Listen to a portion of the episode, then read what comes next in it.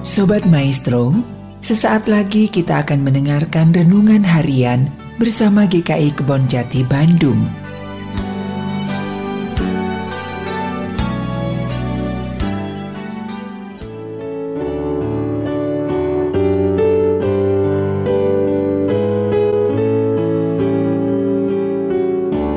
Selamat tahun baru Imlek, Kyong Hee Facai.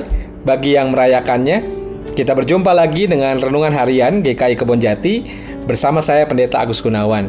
Sudah dikasih Tuhan, setiap tahun baru menjadi momen untuk kita menoleh ke belakang sejenak dan juga menatap ke masa depan.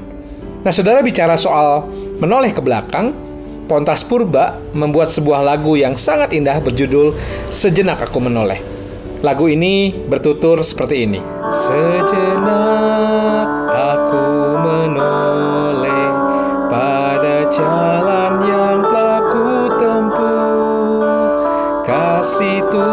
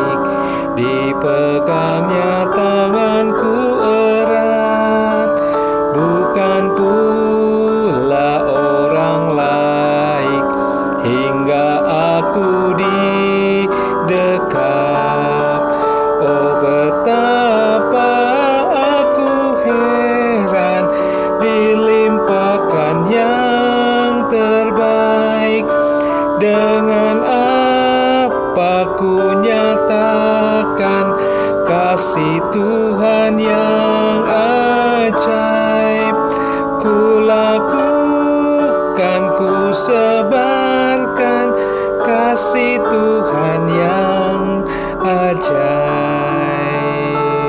Nah, saudara dalam lagu ini dituturkan tentang bagaimana perjalanan hidup kita yang sedemikian sulit dan berat serta tanpa terang itu dijalani bersama dengan kasih Tuhan yang kita peroleh. Kasih Tuhan yang kita peroleh menunjuk kepada anugerah. Saudara, bukan karena kita berusaha untuk mendapatkannya sehingga kita mendapatkan anugerah itu.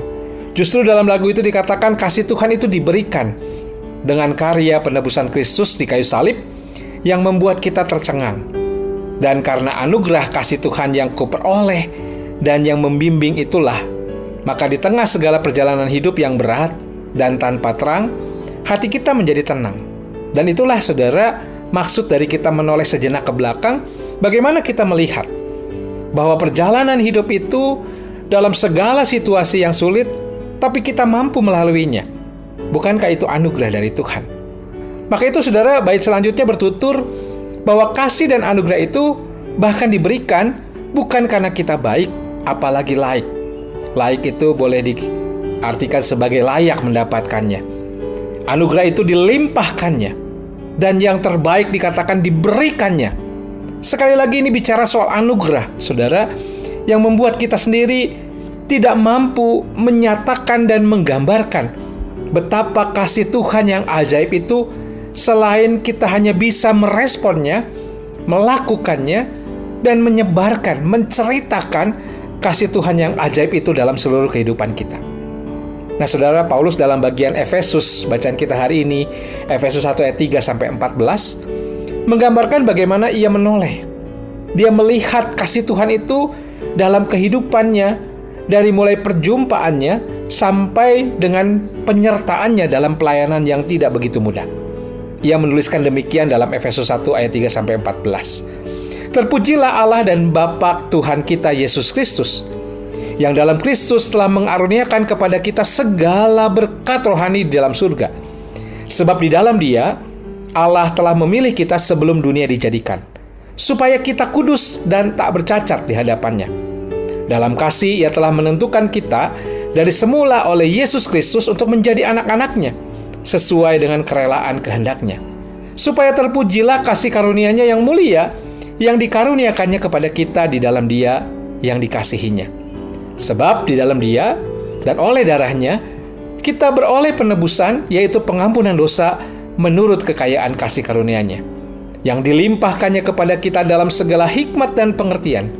Sebab ia telah menyatakan rahasia kehendaknya kepada kita sesuai dengan kerelaan, rencana kerelaannya, yaitu rencana kerelaan yang dari semula telah ditetapkannya di dalam Kristus sebagai persiapan kegenapan waktu untuk mempersatukan di dalam Kristus sebagai kepala segala sesuatu, baik yang di sorga maupun yang di bumi. Aku katakan di dalam Kristus, karena di dalam dialah kami mendapat bagian yang dijanjikan kami yang dari semula ditentukan untuk menerima bagian itu sesuai dengan maksud Allah. Yang di dalam segala perkara sesuatu bekerja menurut keputusan kehendaknya. Supaya kami yang sebelumnya telah menaruh harapan pada Kristus boleh menjadi puji-pujian bagi kemuliaannya. Di dalam dia kamu juga, karena kamu telah mendengar firman kebenaran, yaitu Injil keselamatanmu, di dalam dia kamu juga, ketika kamu percaya, dimeteraikan dengan roh kudus yang dijanjikannya itu. Dan roh kudus itu adalah jaminan bagian kita. Sampai kita memperoleh seluruhnya, yaitu penebusan yang menjadikan kita milik Allah untuk memuji kemuliaannya. Saudara Paulus menoleh sejenak, melihat bagaimana Allah Bapa menjadi sumber keselamatan. Ia memilih dan menetapkan orang percaya sebelum menciptakan alam semesta.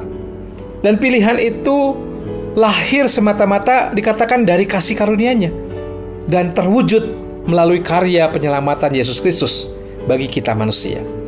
Nah, saudara, ajaran tentang rencana keselamatan dan pilihan kekal Allah membuat keselamatan bertumbuh pada sesuatu yang pasti dan bukan pada kondisi manusia. Dia memilih dan menganugerahkan keselamatan untuk suatu tujuan, yaitu agar umat kudus dan tanpa cacat celak yaitu tidak lagi hidup sia-sia dalam kecemaran dosa karena telah diubah Tuhan menjadi orang-orang kudus. Maka saudara hidup orang-orang pilihan, orang-orang percaya seperti kita, seharusnya mencerminkan kemuliaan Tuhan yang telah memilih dan memilikinya penuh. Inilah saudara yang akan memampukan kita untuk setelah kita menoleh sejenak ke belakang, bagaimana Tuhan berkarya menyertai kita, bahkan memberikan anugerahnya bagi kita, maka kita bisa melihat, menatap masa depan kita dengan penuh pengharapan dan menjalaninya dengan kepastian. Tuhan memberkati kita. Amin.